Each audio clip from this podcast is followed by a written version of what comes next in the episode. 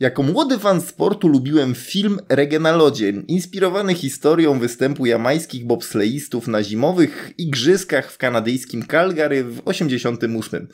Przeszło 30 lat później także w Kanadzie doświadczyliśmy już nie reggae, ale prawdziwego breakdance'a na lodzie.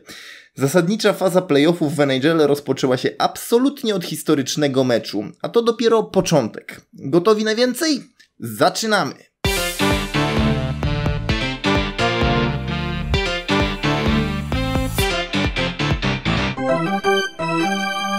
Słuchacie dziesiątego wydania Granic Sportu na platformie Hot Take. Za mikrofonem Adam Fabisiewicz, a ze mną zasmucony i nieco zniesmaczony postawą Pittsburgh Penguins Bartłomiej Misztal. Cześć Bartku. Cześć, ale to jest nieprawda to co mówisz. Muszę e, powiedzieć stanowcze nie. Nie jestem zniesmaczony ani zasmucony. Po prostu przewidywałem, że do tego może dojść, ale obstawiałem, że to może się stać dopiero po pięciu meczach, a nie po czterech.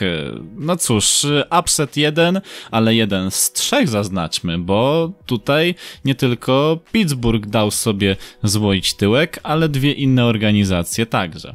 To prawda, bałem się raczej, że w nawiązaniu do tego wstępu będziesz chciał mówić o tym, że nie jesteś zniesmaczony, że nie jesteś zaskoczony, że nie jesteś zasmucony, ale użyjesz e, brzydkiego słowa na W. Na szczęście ono nie padło i e, możemy faktycznie przejść do rzeczy, które jak już wspomniałeś ciekawie się rozegrały w fazie przedwstępnej.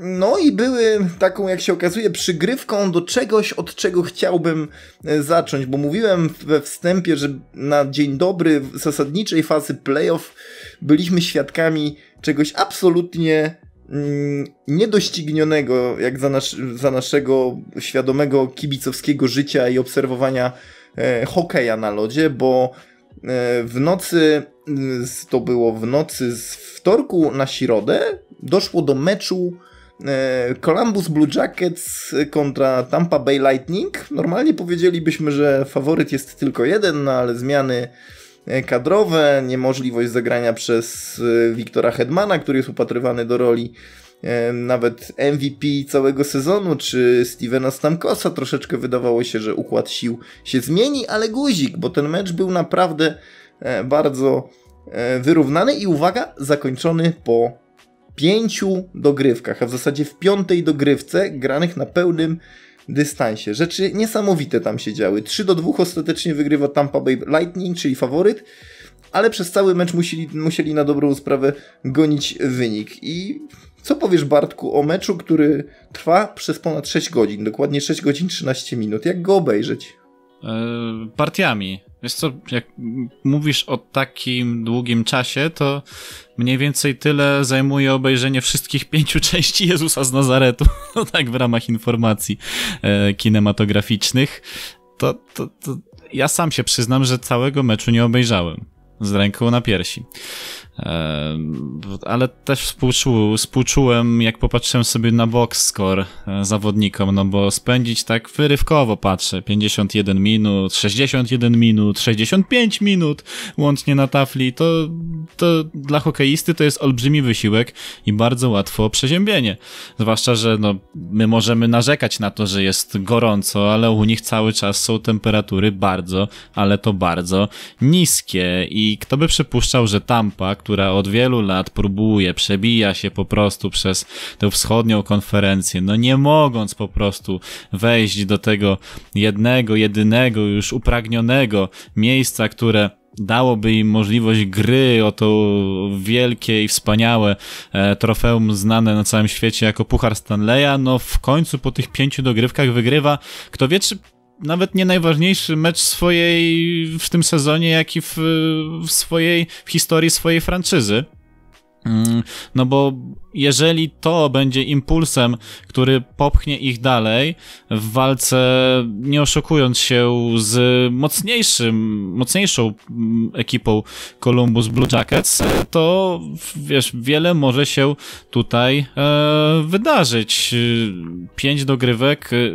Ja osobiście nie przypominam sobie, jak długo śledzę hokeja, e, takiego meczu, w którym musiałbym spędzić aż tyle czasu oglądając go od początku do końca. Pamiętam mecze tenisowe, chociażby Rogera Federera z Maratem Safinem z Australian Open 2004 bądź 5.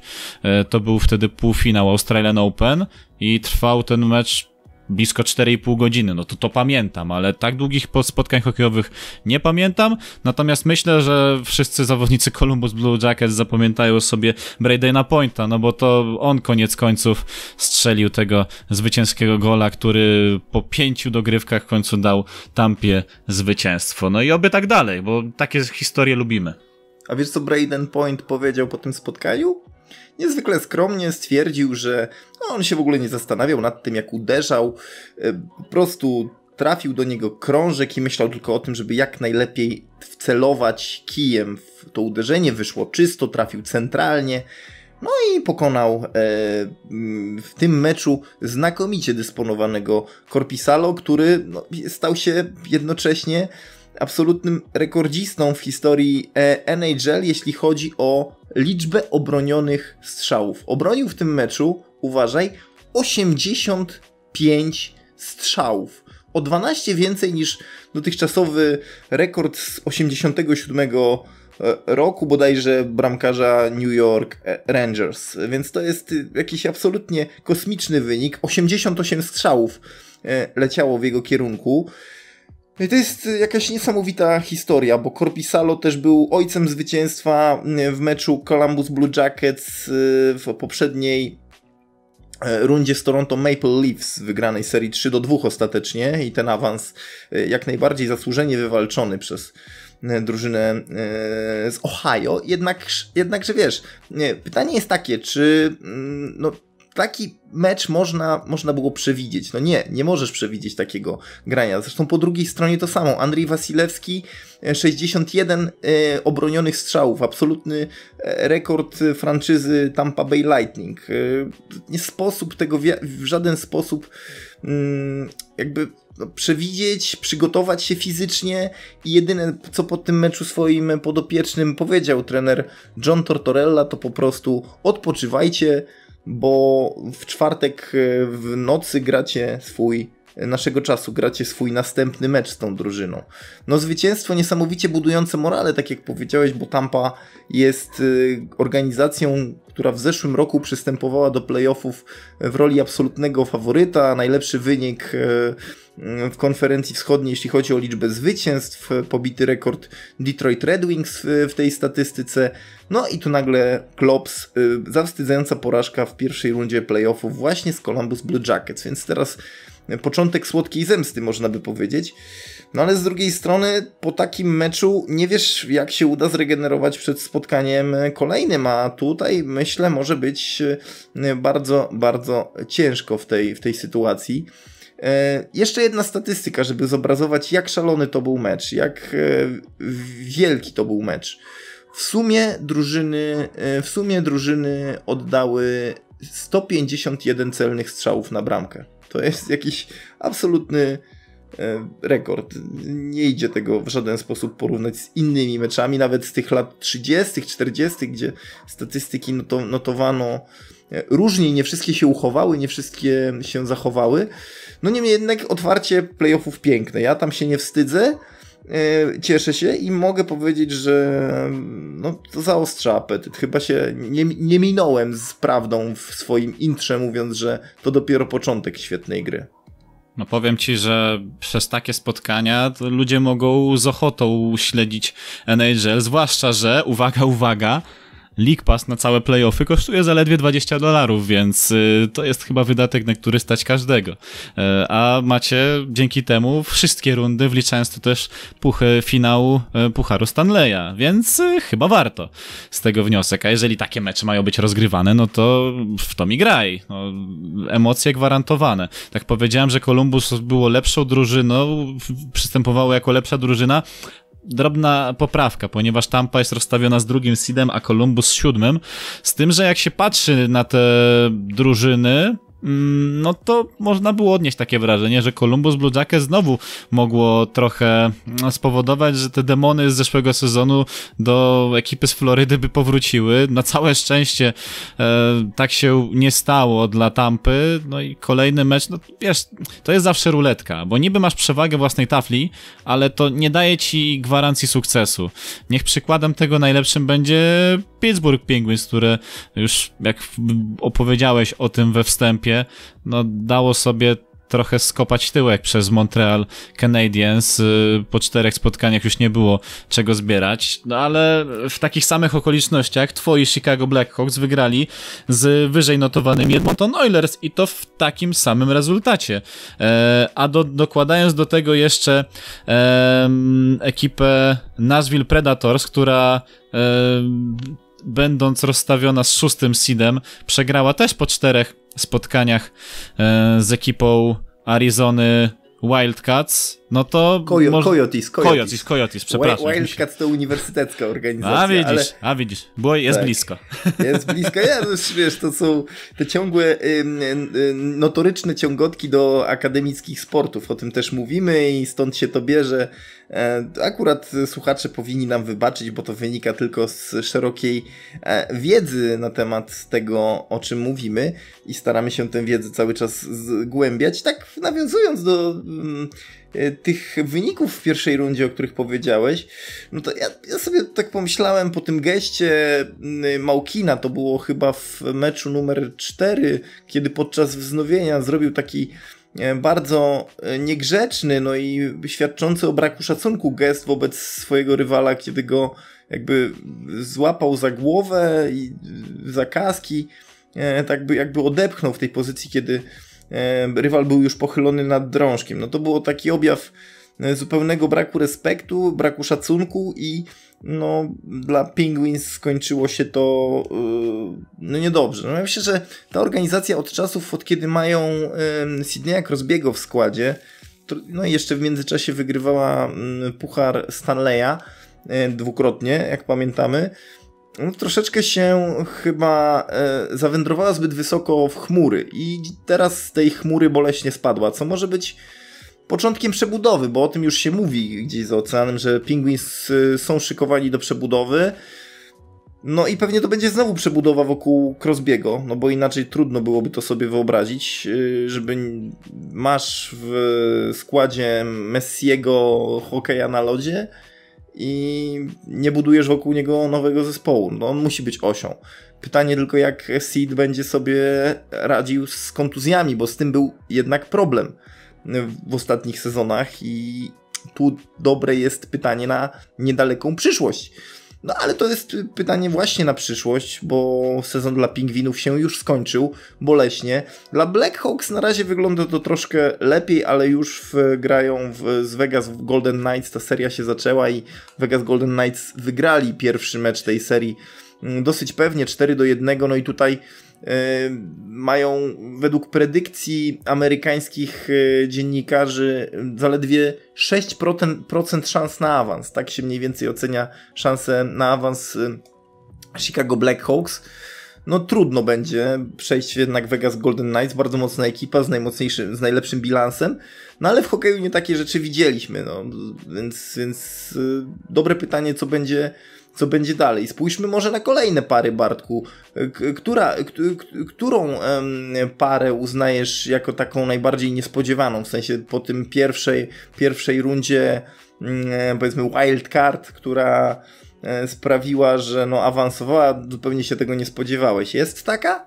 W zasadzie wszystkie drużyny sprostały wyzwaniu. No, chciał, nie chciał i tak trzymałem kciuki za Chicago, bo jednak Edmonton to jeszcze nie ta para kaloszy. Mm, mówiąc y, w miarę jeszcze przyzwoicie. Trochę mnie zaskakuje nadal Toronto Maple Leafs. Ja się trochę dziwię, że organizacja, która ostatni raz miała szansę liznąć e, finałów, w ogóle mieć szansę na to, żeby gdzieś powalczyć o Puchar Stanleya, dekadami nie może przebudować się na tyle, żeby zapewnić sobie miejsce w gronie tych najlepszych. Ciągle nie chcę mi mówić, że ktoś stawia im kłody pod nogi, ale ciągle jest coś, co im nie wychodzi. Ciągle w końcówkach muszą przegrywać. I w tym sezonie było tak, że niestety Columbus Blue Jackets im odebrali szansę na przejście do kolejnej rundy. No, przykro mi bardzo, ale e, jak się tak prowadzi ekipę, no to no, niestety to musi mieć swoje odzwierciedlenie, ale to jest nie pierwszy raz. Ja trochę jestem zaskoczony tym, że właśnie akurat Maple Leaf są w taki sposób prowadzeni, że wiecznie coś im nie wychodzi w najważniejszych momentach, bo jednak y, organizacja, która no, nie chcę powiedzieć, że jest jakimś wiem, kamieniem milowym, jeżeli chodzi o, o hokeja, ale jeżeli chodzi o sport w ostatnich latach, no to mogli pójść chociażby za przykładem Toronto Raptors, którzy w zeszłym sezonie wygrali mistrzostwo w lidze NBA. No, mm, idąc tym, cios, tym ciosem, no to Toronto samo w sobie mogło gdzieś podtrzymać ten blask e, mm, dobrze budowan dobrze zarządzanego miasta pod kątem sportowym, a tutaj niestety e, coś, co powinno być jednak e, kartą przetargową dla Kanady samej w sobie, czyli hokej, który jest ich narodowym sportem, no okazuje się być e, sportem, który jednak jest domeną miast amerykańskich, a nie kanadyjskich, a chyba sami Kanadyjczycy chcieliby inaczej, no patrząc przez to, że już Edmonton nie ma, nie ma Toronto, no to zostaje w zasadzie tylko Montreal e, na szali i, i, i to wszystko, wszystko, no reszta, a nie, jeszcze Vancouver przecież zostało, a tak to reszta, no to są ekipy, chciał nie chciał, ze Stanów Zjednoczonych, no i jak tutaj mają Kanadyjczycy mówić, że to jest ich sport narodowy, skoro tutaj ciągle Amerykanie e, wygrywają, a kanadyjskie miasto? Amerykanie tak, Amerykanie, ale na dobrą sprawę jednak Kanadyjczycy, zobacz, no bo tam jest największy zaciąg kanadyjskich hokeistów, jak popatrzysz na składy drużyn, to tam masz Kanadyjczyków, Rosjan, a Amerykanów, Amerykanów jest stosunkowo mniejsza liczba. I to jest ciekawe, że jednak wciąż buduje się siłę zespołów na innych narodowościach. Finowie, Szwedzi, Rosjanie właśnie, mm, Kanadyjczycy przede wszystkim. No ale co do, co do franczyz, to rzeczywiście masz słuszność. Tutaj drużyny ze Stanów Zjednoczonych wydają się wieść prym, chociaż ja szczerze powiem, spodziewałem się, że lepiej e, w playoffy wejdzie drużyna Boston Bruins, czyli drużyna z najlepszym bilansem e, w sezonie zasadniczym, mm, a tymczasem e, zupełne rozczarowanie, komplet porażek w fazie grupowej, która to faza grupowa wśród ośmiu najlepszych drużyn z obu konferencji jakby stanowiła podstawę rozstawienia z najwyższymi numerami. I dzisiaj już wiemy, że w konferencji jednej to jest Las Vegas Golden, Golden Knights najwyżej rozstawioną ekipą w ogóle w całej zabawie i w drugiej konferencji Colorado Avalanche i teraz sobie przypominamy jak Colorado Avalanche byli świetną ekipą niegdyś z Joe Sakicem, z Jeromem Gillą, z Peterem Forsbergiem, dawne czasy, lata 90. czy przełom lat 90. 2000 e, no ale tak było, Colorado Avalanche ma naprawdę duże szanse w tym roku zaistnieć, a Boston Bruins pewien znak zapytania, jak to będzie, co to będzie, dobre pytanie na które na razie odpowiedzi nie znamy, no ale szczerze powiem, że jakoś nie widzę Boston Bruins jako drużyny, która y, może ten mistrzowski tytuł wywalczyć. Podobnie jak nie widzę y, za dużej szansy dla St. Louis Blues, żeby jednak chyba obronić tytuł. Teoretycznie mm, teoretycznie jest to możliwe, nie można żadnej z drużyn odbierać szans na to, no ale jednak y, wydaje się to zadanie mm, nie powiedzieć trudne, no ale chyba trudne, no trafiają jednak na bardzo e, wymagającego przeciwnika, jakim jest Vancouver Canucks, które odprawiło mm, Minnesota Wild. No może Minnesota trochę słabsza, ale w parze z Vancouver Canucks chyba jednak bym stawiał na Canucks, mimo że to St. Louis Blues są e, wyżej rozstawieni, więc e, no Vancouver może tutaj zrobić niespodziankę, jak dla mnie. No mogą zrobić niespodziankę, chociaż wydaje mi się, że no Owieczkin by chciał jeszcze jednego mistrzostwa, chociaż już jest człowiekiem absolutnie spełnionym hokejowo. Z tym, że nie wydaje mi się, żeby Waszyngton był na tyle przygotowany, żeby coś zdziałać w konferencji wschodniej. Boston. Oh, chyba tylko Bill Simmons liczy na to, że oni e, powtórzą, nawet polepszą e, wynik z zeszłego sezonu. Tutaj, jeżeli chodzi o wschód, ja bym obstawiał no w końcu musi ta Tampa coś zrobić. No mimo wszystko bardzo bym sobie i wszystkim kibicom z Florydy życzył tego, żeby e, właśnie to Tampa e, weszła do wielkiego finału, a z, z zachodu, jak tak sobie przeglądam tę organizację, Miło by było zobaczyć tutaj jeszcze raz St. Louis Blues, ale podzielam twoje zdanie, że to e, mistrzostwo to chyba był jednosezonowy e, przypadek, chociaż ja nie do końca wierzę w przypadki. I chyba jednak bym postawił na najmłodszą organizację w obecnym gronie, czyli na Vegas Golden Knights, która no nie oszukujmy się, oni dokonali czegoś wielkiego, bo, bo dzięki tym draft expansion oni potrafili powyciągać takich asów jak Mark-Andre Flery, który jest ich zabezpieczeniem, chociaż to już jest bardzo wiekowy, ale nadal solidny bramkarz. E, no i dobrą polityką działania na rzecz e, formacji defensywnych. Oni w zasadzie zapewniają sobie e, później dobre wyjście z kontratakiem, no i dlatego akurat Chicago mieli spory problem, aby cokolwiek ugrać przeciwko drużynie z Nevady, więc jakbym zobaczył sobie finał Tampa Bay z Vegas Golden Knights, to ja bym nie był e, zaskoczony, ale w ostatecznym rozrachunku nie wiem, na, na kogo bym ci wskazał. E, ja też nie wiem, e, chociaż jakoś dziwnie skłaniałbym się ku Twojemu poglądowi, że raczej na zachodzie należałoby szukać mistrza, chociaż tutaj mam pewien problem, bo ja zawsze, zawsze jest problem z Lightning, bo oni są zawsze wysoko typowani i na ogół źle to się kończy. W tym roku jeszcze bez Hedmana i Stamkosa trudno powiedzieć jak to się rozstrzygnie. Jeszcze ten morderczy mecz, zobaczymy jak na nich wpłynie. Nie powiedzieliśmy y, za wiele o Philadelphia Flyers. To może być taki języczek uwagi, dlatego że ta drużyna y, przystępowała z niższym rozstawieniem y, do fazy grupowej playoff, czyli tej fazie przedwstępnej. No, ale wywalczyła sobie absolutną jedynkę na wschodzie i tutaj mm, trafia na teoretycznie najsłabszą ekipę, czyli Montreal Canadiens, ale czy tacy, czy tacy Canadiens są słabi, to zapytajmy o to Sydney jak rozbiegł i spółkę. Pewnie by się z tym nie zgodzili. Mm, no, mimo wszystko bardzo twarda, dobra, dobrze zorganizowana obrona Flyers i mm, gwiazdy pokroju Claude'a Giroux tutaj jednak stwarzają mi sposobność do mówienia o tym, iż Flyers są dla mnie w tej parze faworytem i nawet faworytem do awansu do finału konferencji. Z drugiej strony niezwykle ciekawa para, czyli Capitals kontra Islanders. Wiesz dlatego, dlaczego ciekawa? Dlatego, że Islandersów prowadzi drugi sezon Barry Trotz, czyli człowiek, który doprowadził Capitals do jedynego w historii tej organizacji mistrzostwa. I teraz e, będzie chciał coś udowodnić tej e, ekipie z Florida Panthers w pierwszej rundzie z drugim bardzo doświadczonym e, Joanem Quenvillem na ławce rezerwowych Islanders wygrali. Mm, ja też mam sentyment do Quenvilla, bo Quenville przecież zdobywał tytuły mistrzowskie nie tak dawno z Chicago Blackhawks i to jest jeden z najlepszych, najbardziej utytułowanych szkoleniowców w historii ligi. Natomiast Capitals to jest drużyna, na którą, którą, na którą stać którą stać na wszystko, przepraszam. To jest drużyna, która potrafi zrobić coś z niczego, no bo jak masz takiego maga jak e, mm, Owieczki, wspierany przez takich graczy jak, nie wiem, chociażby Niklas Backstrom, jak masz zabezpieczenie tak ofensywnego defensora, jakim jest TJ Oshie, no to wydaje ci się, że wszystko może ta drużyna zrobić.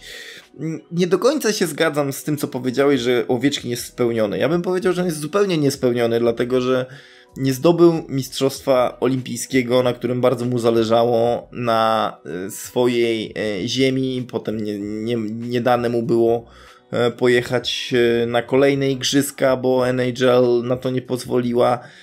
No i teraz pytanie, czy faktycznie Owieczkin może czuć się spełniony? Moim zdaniem nie, właśnie przez to, co powiedziałem wcześniej i będzie bardzo łaknął tego tytułu. E, jak każdy sportowiec, jak każdy e, wielki sportowiec, który chce wygrywać i zdobywać e, tytuły. Więc ja bym Capitals nie skreślał, ale to będzie bardzo ciekawa para do oglądania. Tego jestem absolutnie pewien, a jeżeli miałbym wskazać na konferencję zachodnią, no to rzeczywiście tutaj mi się jakoś wyłania zupełnie tylko jeden finał, czyli finał konferencji Golden Knights i Colorado Avalanche, który równie dobrze mógłby być finałem całego Pucharu Stanleya i też bym się nie zdziwił, bo o tym już mówiłem, że Avalanche i Golden Knights to są najlepsze drużyny tej konferencji, więc już idąc tak daleko, daleko, to stawiam na mm, finał y, konferencji w zachodniej pomiędzy Vegas Golden Knights a Colorado Avalanche, a na wschodzie, żeby było ciekawiej, a niech będzie. Postawię na Philadelphia Flyers kontra Washington Capitals. Takie są moje typy. Coś na to odpowiesz, Bartku? Tylko, że finał na zachodzie nie może być Vegas Golden Knights kontra Colorado Avalanche, bo oni mogą się naj, już najdalej spotkać w półfinałach. Bo tak jest niestety rozstawienia. Je, tak. Jak to jest? Of... Ale przecież oni mają 1 i 2, 1 i 2. To NHL znowu coś pomieszało. NHL oficjalnie na stronie NHL, to, to sprawdziłem, e, jedynka z ósemką i później zwycięstwa, zwycięzca gra z, ze zwycięzcą pary dwójka z siódemką, czyli w tym wypadku... Ale to co, jedynka gra z dwójką od razu? To przecież to jest bez sensu. No to ja nie, ja nie rozumiem. NHL po prostu żyje w równoległym świecie ro, rozważań matematycznych, jak dla mnie.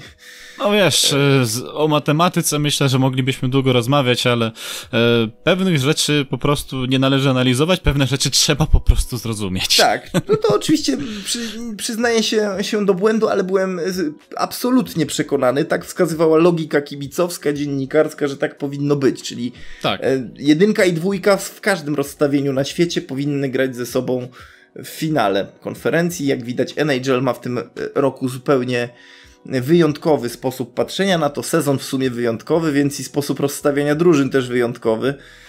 No i cóż, no zostawmy to. Będziemy, będziemy śledzić e, dalsze działania e, i rozgrywki w playoffach w NHL. Na pewno będziemy do tematu wracać. Mm, Bartku, czy chcesz coś dodać jeszcze o tak, bo ja w sumie miałbym, bo ja w sumie miałbym e, to rozstawienie finałowe. Na zachodzie mimo wszystko Vegas, e, Colorado e, jednak by poległo. Myślę, że maks po sześciu spotkaniach by się Vegas rozprawili z nimi. A z drugiej strony organizacja, o której chyba niewiele mówiliśmy, ale która ostatnimi czasy dość mocno mnie zaskakuje, czyli Calgary Flames, którzy wygrali już pierwsze spotkanie z Dallas Stars. No i kto wie, czy dalej to nie pójdzie za ciosem, bo w ostatnich y, latach Calgary w ogóle nie istniało. To była organizacja taka widmo, która no, nie wiadomo było jak się za nią zabrać. A teraz zeszły sezon już pokazał, że Calgary powoli powstaje, niczym ten misty, mityczny Feniks z popiołów. Po drodze mieliby zwycięzcę pary St. Louis kontra Vancouver, ale no, tak jak już wspominałem wcześniej, no, St. Louis to nie jest ta sama drużyna, która byłaby w stanie mm, powtórzyć wynik sprzed roku, więc jednak bym stawiał na Calgary, które by powalczyło sobie z Vegas o prawo gry jako zwycięzca konferencji zachodniej w finale Pucharu Stanleya. Natomiast ze wschodu, jeszcze mówiłeś o Filadelfii, tylko że Filadelfia ma jakieś takie dziwne, dziwną tendencję do tego, żeby pięknie lecieć, bo oni są, wiesz, flyers, czyli latają, latają, tylko że w momencie, kiedy przychodzi do poważnych spotkań w playoffach, to w ostatnich latach, przynajmniej tak to wyglądało, to oni ładnie lecieli, tylko bardzo szybko spadali. Eee, niczym, niczym Ikar. Patrz, ile to mitologii nagle mi się tutaj włącza.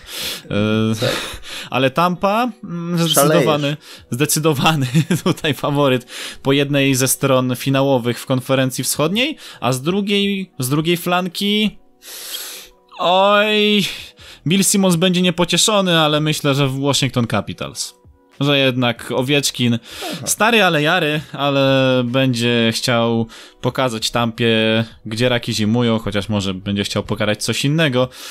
No i jednak bym postawił po bardzo morderczym i zaciętym pojedynku, nawet siedmiomeczowym niech to będzie, że Tampa wchodzi i walczy z Vegas Golden Knights o Puchar Stanleya. To by było piękne zwieńczenie takich playoffów. Takie moje wyimaginowane playoffy, ciekawe czy się sprawdzą. No dobrze, to jeszcze a propos mm, porzekadła, że prawdziwego mężczyznę poznaje się po tym jak kończy, a nie jak zaczyna, to ja skończę moją erratą do tego co mówiłem. Czyli skoro Vegas Golden Knights mają zagrać już w następnej rundzie, ewentualnie z Colorado Avalanche, to ja postawię jednak na Colorado Avalanche przewrotnie, żeby było odmiennie od ciebie, Bartku, od twojego typu. E, I Colorado Avalanche potem stawiam w finale konferencji, no żeby nie zupełnie odmiennie, to może właściwie z Calgary Flames, tak żeby było trochę niespodziewanie, chociaż teoretycznie Vancouver Canucks są wyżej rozstawieni, ale, ale wydaje mi się, że, mm, że to jednak Calgary Flames wejdą do finału konferencji. Tutaj w takim razie w finałach, w wielkim finale playoff czyli w walce o Puchar Stanleya widziałbym Colorado Avalanche kontra Washington Capitals. Takie są moje typy. Bardzo wczesne na tym etapie sezonu, y, na tym etapie playoffów jeszcze możemy sobie pogdybać, potem to się wszystko przemieli i nic się nie będzie zgadzało pewnie Bartku, ale na razie możemy sobie pogdybać. No po zeszłym sezonie to ja już mam dosyć typowania takiego na poważnie, więc może, może się nawet skończyć tak, że będziemy mieli finał Vancouver Canucks kontra Montreal Canadiens. Poważnie, tak się może stać. Tak, jeżeli chodzi o amerykańskie ligi zawodowe, to yy, NHL jest taką ligą, w której najczęściej, najczęściej możemy w playoffach ujrzeć coś w stylu scrambled eggs, czyli po prostu wszystko się ze sobą miesza w jednym momencie i, i nigdy nie wiesz, która z którą drużyna może zagrać, chociażby przez system rozgrywek. E, I, i, liczbę dogrywek, które są tam grane, jakby no to, to widzieliśmy też w meczu otwarcia pomiędzy Tampą a e, Columbus Blue Jackets, że to jest wiele zmiennych, które mogą wpłynąć na to, jak e, wyglądają dalsze rozgrywki. No ale na kształt rozgrywek mają znaczenie nie tylko e, mają wpływ nie tylko rzeczy bieżące, czyli to jak gramy tu i teraz, ale ważna jest też przyszłość. A o przyszłości świadczą między innymi wybierani e, w drafcie gracze. Już wiemy, że ktoś będzie wybierał z numerem 1, a ktoś będzie wybierał z numerem drugim, a ktoś z numerem trzecim. wiemy to od zawsze, ale my wiemy, Bartku, kto ma jedynkę, kto ma dwójkę i kto ma trójkę. No tak, wiemy. Wiemy o tym doskonale. Mam zacząć od którego miejsca, żeby zrobiło się bardziej dramatycznie? Czyli e, budując napięcie i to twoje zawieszenie głosu już odpowiednio długo już zbudowało napięcie, wystąpił rumieniec na mojej twarzy, e, lekkie podniecenie, ale może jednak e, pójdźmy tradycyjnie i postawmy na tę jedynkę czyli e, drużyna, która będzie wybierała z pierwszym numerem w drafcie, to New York Rangers. Czy jesteś zaskoczony, że w loterii wygrali, czy to jednak było pewne, skoro 12,5% szans na pierwszy pik loteryjny, to tak musi być? No z reguły kto ma więcej szans na jedynkę, to, to, to najczęściej ją dostaje, chociaż y, znamy takie drafty, w których y, los bywa naprawdę przewrotny i, i choćbyś się bardzo starał i tankował jak tylko się da, no to jednak y, jednak los potrafi ci spłatać figla, ale New York Rangers, no, myślę, że dla nich to jest bardzo dobry, to będzie bardzo dobry motor napędowy ogólnie dla sportu w Nowym Jorku, bo mam takie wrażenie, że Nowy Jork to się stało takim, nie chcę powiedzieć, że pośmiewiskiem dla wszystkich sportowców, ale znajdź mi jedną poza New York Yankees dobrą franczyzę z tego miasta, która mogłaby powiedzieć, o, to jest nasza wizytówka i my się tego trzymamy. Na tyle ekip, ile masz w Nowym Jorku, no myślę, że właśnie poza Yankees, to może New York Islanders byś wskazał obecnie z takich franczyz, których Nowy Jork by się nie wstydził, a tak reszta, no niestety. Zresztą paradoksalnie wydaje mi się, że New York Knicks też się nie wstydzą ze względów marketingowych, bo to wciąż jest prestiż przyjść do Wielkiego Jabłka, do hali Madison Square Garden, obejrzeć mecz. Tam wciąż tłumy turystów jadą często tylko po to do Nowego Jorku, żeby znaleźć się w Madison Square Garden, żeby obejrzeć mecz z wysokości trybun, ba, żeby obejrzeć samą halę. Także jakkolwiek radzi sobie drużyna New York Knicks w koszykarskich rozgrywkach, to jest jednak e, cenioną e, marką i to widać po zestawieniach Forbesa też. Więc myślę, że tutaj akurat no, ciekawe na co stawiają Amerykanie, a wiadomo, że jednak w Stanach Zjednoczonych ważne jest to, co jest większe, a większe jest to, co lepiej na siebie zarabia. Na chciał, nie chciał New York Knicks i James Dolan są w cenie. Adam. Także Adam, wyobraź sobie sytuację, w których mówisz do mnie, wiesz co, chciałbym pojechać na New York Knicks, bo bardzo mi imponuje gra Juliusa Randla. Czy poszedł, pojechałbyś, żeby oglądać na przykład Juliusa Randla? Znajdujesz w tym przyjemność? Albo kogokolwiek no nie, innego no, z nich? To, to tak, no wiesz, to jest, to jest prawda, że rzeczywiście New York Knicks to jest drużyna, którą ciężko się ogląda i to na pewno nie jest, na pewno nie jest dobra wizytówka, ale to czysto sportowo. To, to się zgadzam w zupełności. Więc pod tym względem rzeczywiście e, chyba New York Islanders, no przede wszystkim New York Yankees, tak jak powiedziałeś. Nawet, nawet bym powiedział, że chyba New York Giants już e, są y, y, bardziej lubiani w mieście i popularniejsi sportowo, mimo teraz sporych braków, no ale transfery, Saquon Barclay, no i, i jednak nadzieja, że, że w przyszłości ta drużyna się odbije, stanowi dla kibiców podstawę być może życzeniowego myślenia, ale jednak, że kolejny tytuł dużej ligi, prestiżowy tytuł wróci do Nowego Jorku. Na razie nie, nie jest blisko nawet, no ale cóż, może postać Alexisa Laferniera zmieni coś diametralnie, no bo ten skrzydłowy jest typowany na numer jeden najbliższego draftu i właśnie on miałby być przez New York Rangers wybrany. Ja nie jestem taki przekonany, no bo młodzi hokeiści nie zawsze spełniają pokładane w nich nadzieje, chociaż no, trzeba uczciwie powiedzieć, że postaci pokroju Austona Matthewsa czy Conora McDavida jak najbardziej te mm, oczekiwania spełniły i spełniają. Także i Alexis Lafreniere może taką opcją być. No tylko czy przyrównywanie go już teraz do Sydneya Crosby'ego nie jest trochę na wyrost jednak i czy to się dla Rangers przełoży na sukces, czy on będzie tym ojcem opatrznościowym Rangers. No, bazować na pierwszoroczniaku to chyba nie jest zbyt rozsądne dla organizacji, która musi się gruntownie przebudować. No, jeżeli się gruntownie przebudowują, to wiesz, jedna jaskółka wiosny nie uczyni. No, to nie jest baseball, żeby jeden zawodnik zmienił oblicze całej drużyny nagle w jeden sezon, bo no, takie, takie są realia, to trochę inne Był sporty. tylko jeden taki, był tylko jeden taki i to było lat temu 40.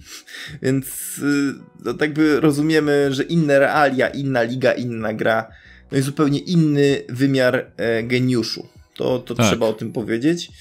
E, bo chyba kiedyś e, mam taki pomysł, Bartku, że chyba kiedyś poświęcimy odrębny, ogólnie odrębny odcinek biograficzny dla Wayne'a Greckiego, bo warto, bo ten facet y, ma często y, statystyki na poziomie mm, takim, że no, kilku e, zawodników razem wziętych nie ma takich wskaźników jak on jeden na przykład, nie? Więc myślę, że o tym będzie warto też powiedzieć, ale to w przyszłości. Z drugiej strony jeszcze o Rangers słówko chciałbym cię zapytać, no bo oni z dwójką wybierali w zeszłym roku Finaka Pokako. Y, też miał być to wielki wybór, wielka nadzieja, a okazało się że no way, nie da rady, nic z tego. Ja myślę, że hmm, New York Rangers to jest tylko, nie wiem, obiekt fascynacji wszystkich y, sympatyków y, serialu How I Met Your Mother, bo tam jeden z, z, bohaterów jest właśnie kibicem, czy nawet chyba związany mocno z New York, y, z New York Rangers, nawet zawodnikiem jest. E, już dawno oglądałem ten serial, więc y, nie przypomnę sobie, jak to wyglądało e, dokładnie. No wiesz, mamy, mamy sytuacje takie, kiedy e, budujesz i budujesz i budujesz na tych młodych, bardzo dobrze zapowiadających się zawodnikach i ci nic z tego nie wychodzi. E, z Rangers wydaje mi się, że sytuacja jest prosta, no, trzeba po prostu przeczekać ten trudny okres. Y, jeżeli faktycznie Lafernier jest tak dobry, jak o nim mówią, znaczy no, Crosby to ja w, nim, ja w nim też nie widzę Crosbiego, to przepraszam, Crosbiego, e, greckiego, no, już mi się mylą, chociaż też, Kanady, też Kanadyjczyk, jakby nie patrzeć. niektórzy e... mówią, że równie dobry jak grecki, chociaż ja jednak jestem powściągliwy w tym Czekaj, a przypomnij mi, ile grecki ma mistrzostw? Grecki ma, czyli z Edmonton Oilers cztery mistrzostwa bodajże jak pamiętam. Cztery albo pięć. Zawsze się mylę, e, ale cztery ma na pewno. Także to jest taka liczba, która już o czym świadczy. No Crosby nie ma czterech. Crosby jest... ma trzy. No właśnie. E, no ale Crosby ma mistrzostwo olimpijskie. Wayne nie mógł go zdobyć, no bo wiadomo, wtedy na igrzyskach grali amatorzy. Natomiast chyba jak tak pat, porównuję sobie archiwalne mecze, i muszę ci powiedzieć tak, o ile żywotna jest dyskusja, kto jest lepszy, czy LeBron James, czy Michael Jordan, który był lepszy, który potrafi więcej, który miał większy talent, iskrę bożą i tak dalej, i tak dalej. to jak sobie porównuję grę Lebrona i porównuję sobie grę Michaela, to byłbym skłonny dużo szybciej powiedzieć, że Lebron jest lepszym koszykarzem. Naprawdę. Natomiast jak porównuję sobie to, jak grał na lodzie mm, Wayne Gretzky i to, jak prezentuje się Sidney Crosby, to jednak dla mnie i myślę, że dla wielu innych oglądających y, no jest Grecki i długo, długo nic. No, to myślę, że jest prawda. I, znaczy, długo, długo nic, później Mario Lemieux. A właśnie, jest jeszcze Mario Lemieux, bo są opinie, że Mario Lemieux był lepszy, no bo jeszcze możesz tutaj wstawić kilku innych y, hokeistów z y, dawniejszych czasów, jak nie wiem, Bobby Hall, y, Frank Esposito, czy, czy, czy Gordie Howe, czyli drugi najlepszy strzelec w historii ligi, grający bodajże do pięćdziesiątki w zawodowej lidze. Przecież, przecież nawet hmm. Timu Selane teraz muszę sobie przypomnieć nazwisko, Jaromir Jager przecież, e, wielowiekowi, tak. długowieczni w zasadzie zawodnicy, przecież Timu Selane grał chyba na pięciu turniejach olimpijskich, jeżeli mnie tak. pamięć nie myli. Pięć turniejów olimpijskich to jest dla mnie coś niespotykanego. A, i grał z Czerkawskim w jednej drużynie. Wayne, e, mówię Wayne Grecki. Jaromir Jakr też grał grubo ponad 20 lat chyba w lidze, nie? To On ponad jakby... 40 miał na karku i nadal grał w lidze. Nadal go ktoś chciał, no. nadal miał kontrakt. No właśnie, to jednak jest. Chociaż już nie miał tej charakterystycznej fryzury. tak zwanego no tak, czeskiego metala. Robiła, tak, robi, robiła furorę. Później nie. Holendrzy sobie ją zaaprobowali i w latach 80. wszyscy chodzili w tej samej fryzurze z takim głupim wąsikiem. Poważnie. Obejrzyj sobie film New Kids Turbo, to zobaczysz, jak się mm. można było stylizować w tamtych no latach. Tak, no tak. Y, chociaż powiem ci, że, że dla mnie, dla mnie tamte lata też były wyjątkowe, bo jak, zawsze jak patrzysz w przeszłość, to, to lata 90. w hokeju to już są lata, w których mniej jest tego najlepszego Wayne'a Greckiego i, i, trzeba jednak sięgnąć do archiwaliów, no bo te najlepsze czasy to są jednak chyba lata 80., prawda? Oś tak. Ta dekada 80-90 to jest y, najlepszy czas Wayne'a Greckiego w karierze. Tutaj bez, bez dwóch zdań. No i sam jestem ciekaw, e, jak to będzie oceniane po latach. Czy, czy jednak jeszcze Sid the Kid da radę mm, doścignąć Wayne'a? Ja mam, ja mam poważne wątpliwości, tak jak powiedziałem. Mm, no niemniej jednak, cóż, któż to wie, któż to wie, może, może. Eee, wszystko jest możliwe, ale statystycznie to go raczej nie dogoni. Co do tego jesteśmy chyba raczej przekonani, prawda? No już nie te czasy, to musiałby się urodzić kolejny taki koń, e, który by jak na zawołanie, jak za dotknięciem czarodziejskiej różdżki zdobywać multum goli i być na takiej skuteczności, że żaden bramkarz świata nie byłby w stanie e, po prostu go zatrzymać. No a wiemy, że bramkarze z, z każdym kolejnym sezonem są coraz lepsi, co, coraz wytrwalsi i jednak ten mały, cho chociaż się wydaje, że to jest tylko mały krążek, po prostu jego nie da się zauważyć, to jednak bramkarze wyłapują w takich y, kurtuazyjnych, takich kuriozalnych sytuacjach, że ja przecieram oczy ze zdumienia, że ci bramkarze są tacy fenomenalni w swojej pracy i dlatego dostają też dosyć duże pieniądze. No, ale od czasów y, Wayne'a Greckiego to ja się osobiście nie spotkałem z takim z takim hokeistą, którym by można było powiedzieć, że no kurczę, jak mamy przeciwko niemu grać? No, no nie było po pa prostu na niego rady. Tak. Pamięć też mnie nie zawiodła. Wayne Gretzky czterokrotnie sięgał po puchar Stanleya, ale żeby oddać e, królowi co królewskie, kilka rekordów pierwszych z brzegu e, Wayne'a Greckiego. E, Grecki 9 razy sięgał po Hart Memorial Trophy, z czego 8 z nich otrzymał z rzędu. Więc to jest niesamowity wyczyn. Dodajmy, że Hart Memorial Trophy to jest coroczny tytuł przyznawany najlepszemu zawodnikowi ligi, czyli był dziewięciokrotnie MVP rozgrywek, z czego 8 razy z rzędu. E, dla porównania e, Wilt, mówię Wilt Chamberlain, Karim, Karim Abdul-Jabbar i e, Michael Jordan sięgali po ten, Karim miał chyba 6, a tak. Michael 5. Tak. Więc to tak dla porównania, więc tutaj Wayne jest daleko z przodu. I jeszcze jedno osiągnięcie, takie pierwsze z brzegu, ażeby uzmysłowić jak wielka jest przewaga mm, Wayne'a Greckiego na, na, nad resztą e, stawki. Tylko może wybiorę coś takiego mm, e, ciekawego. Największa liczba zdobywanych punktów, e, czyli klasyfikacja kanadyjska. Wyobraź sobie, wygrywał tę klasyfikację siedmiokrotnie z rzędu. Od sezonu 81-87, a potem w sezonie 1990 91 i 94. Ja naprawdę nie mam pytań. To są tylko dwie takie najbardziej jaskrawe y, statystyki e, pokazujące, jak wielkim był graczem Wayne Gretzky. I mam nadzieję, że, że ktoś się do niego zbliży, ale nie sądzę, żeby to był Alexis Lafreniere, chociaż życzę mu jak najlepiej, tak samo jak życzę jak najlepiej wybierającym z dwójką i z trójką w drafcie, a wiemy, że z dwójką wybierać będą Los Angeles Kings, a z numerem 3 Ottawa Senators. Tutaj też raczej bez zaskoczeń, bo oni e, byli typowani do tego e, właśnie. Jeszcze ciekawostka, draft będzie się rozstrzygał, a w zasadzie jest planowany w dniach 9-10 października, bo to jest jednak kilkudniowa na dwudniowa, dwudniowe przedsięwzięcie, bo tych rund jest sporo więcej niż w NBA chociażby. I szansę na udział w drafcie ma również Polak. Jakub Bożęcki, syn byłego reprezentanta Polski Adama Bożęckiego. To co, Bartek, zobaczymy Polaka w NHL znowu? Ja bym chciał, żeby zobaczyć Polaka w NHL, a później, rok później, żeby zobaczyć Polaka w NFL. W zasadzie człowieka, który kultywuje polskie tradycje. Jeju, to by było coś wspaniałego. Bo już tak dawno nie mieliśmy. Mnie rzeczywiście był Wojciech Wolski, tylko że ciężko by było mi go nazwać e, takim stricte no, Polakiem. No, jak, jakby to nie.